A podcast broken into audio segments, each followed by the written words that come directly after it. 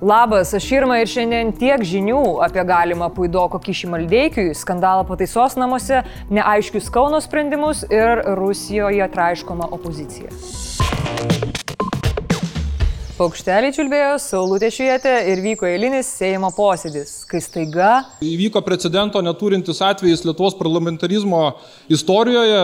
Savo kabinete buvo prieš mane smurtaujama STT agentų, buvau smaugiamas, E, suplėšė, reiškia, rūbus, e, be jokio, reiškia, statuso teisinio, iš manęs buvo atimti asmeniniai daiktai jėga, buvau, reiškia, iki kraujo, reiškia, ir rankos sudraskytos, e, trūko oro, sakiau, aš dūstu, trūksta oro, vis tiek mane toliau smaugia ir savo veiksmų nenutraukė. Wow, wow, wow, wow pala, truputėlį lėčiau.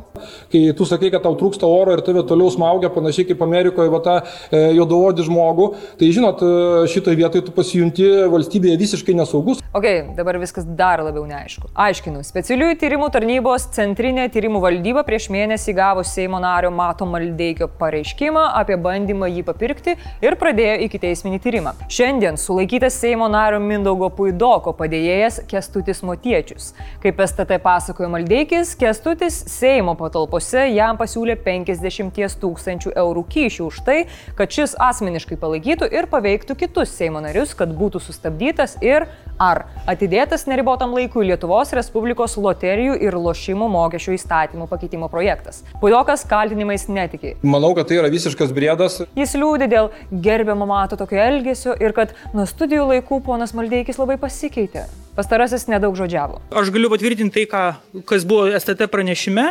Daugiau komentuoti nenori, kad neatskleistų tyrimo domenų ir... Aš labai nenoriu irgi į kalėjimą. O kaip dėl užpolimo? STT teigia, kad Seimo narys atsisakė vykdyti teisėtus pareigūnų nurodymus, todėl tyrimui reikšmingi daiktai buvo paimti prievartą kaip ir viskas aišku, bet tik ne puidokui. Aš suprantu, kad tai yra kerštas už mano politinę veiklą aktyviai dėl partnerystės įstatymo, dėl Stambulo konvencijos. Į Seimą pasiaiškinti dėl pareigūnų elgesio buvo iškviestas ir generalinės prokuratūros atstovas. Jis pakomentavo, jog dėl STT pareigūnų veiksmų prieš puidoką bus atliktas vidinis tyrimas. Bendrapartietį puolėginti skaidrumo įsikūnymas skardžius. Mes kalbam apie jėgos struktūros panaudojimą prieš parlamentarą turint imunitetą. Bet, kaip sakė prokuratūros atstovas, pagal įstatymą parlamentarai neturi absoliutaus imuniteto, o anot konstitucinio teismo asmens krata nėra savaime suvaržoma asmens laisvė. Pačiam puidokui jokie kaltinimai kol kas nėra pareikšti, nes, na, turint imunitetą, tai neįmanoma, kad ir kokia padugnė bebūtum. Žodžiu, žiūrėsim, kas bus toliau. Praviniškių pataisos namuose vyko kratos. Pareigūnai ieško nenusmailintų dantų šepetėlių, klozetuose paslėptų telefonų ir tikrai ne vyno iš nagų lako. Šį kartą krečiami korupcija įtariami pareigūnai.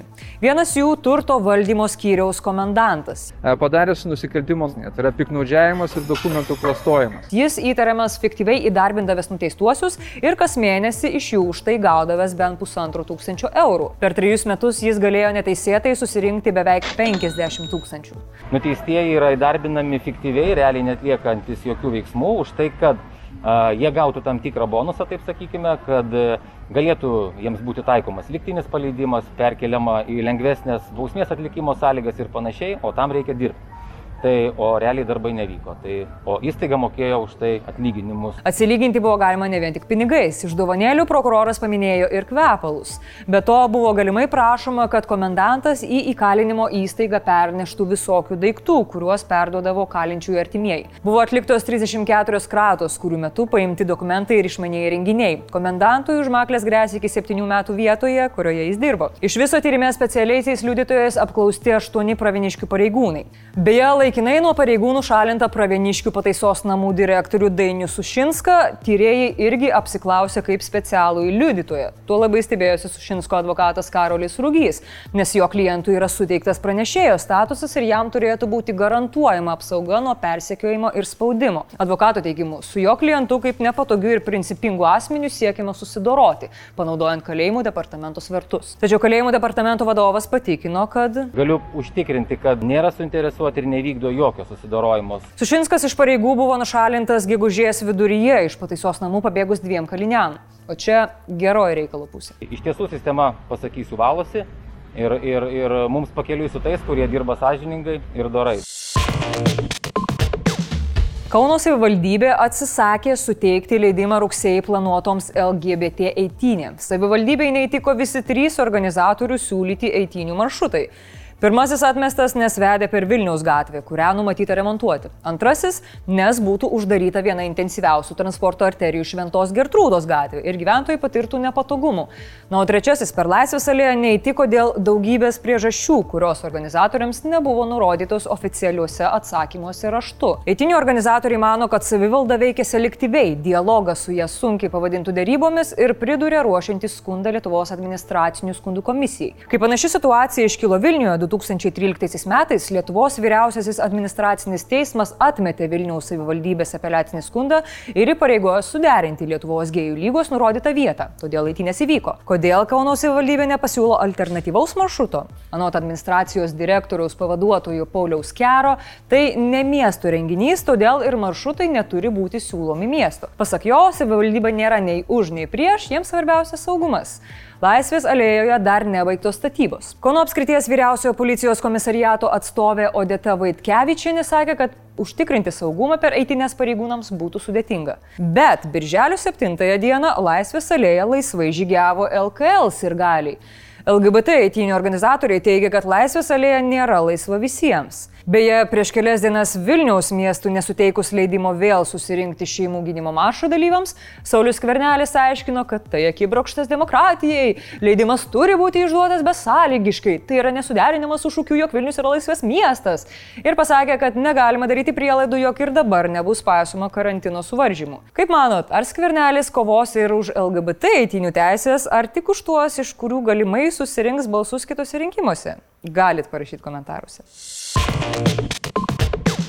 Putino režimui nebeužtenka persekioti, nuodyti ir į kalėjimą uždaryti opozicionieriaus Aleksėjaus Navalno.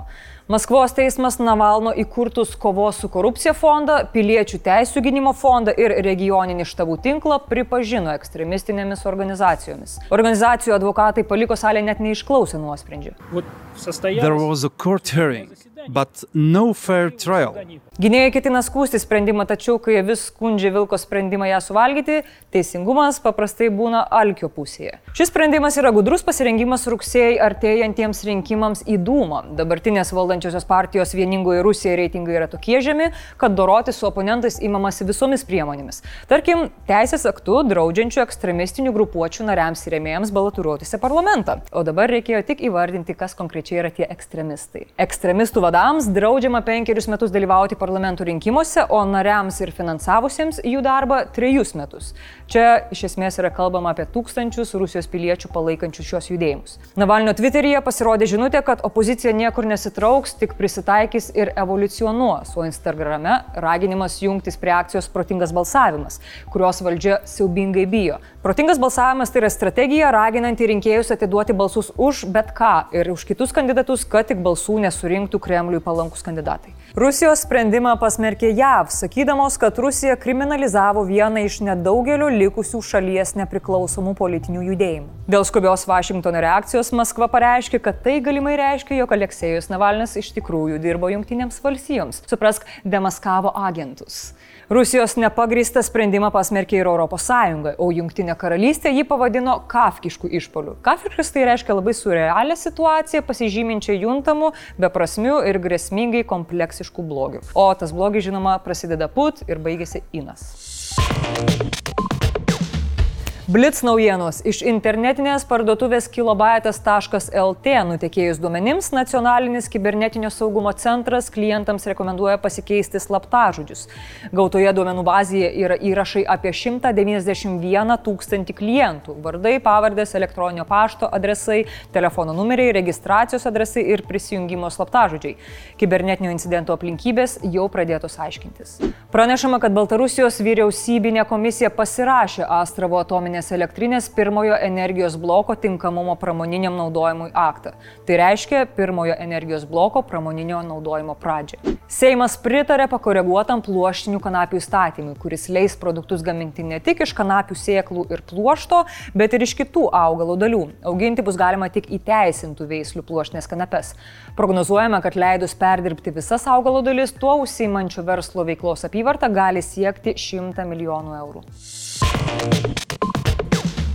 Nepamirškit rašyti man laiškų apie skvernelį, o jeigu nežinot, kaip ūdroms yra matuojama temperatūra, va dabar sužinosit.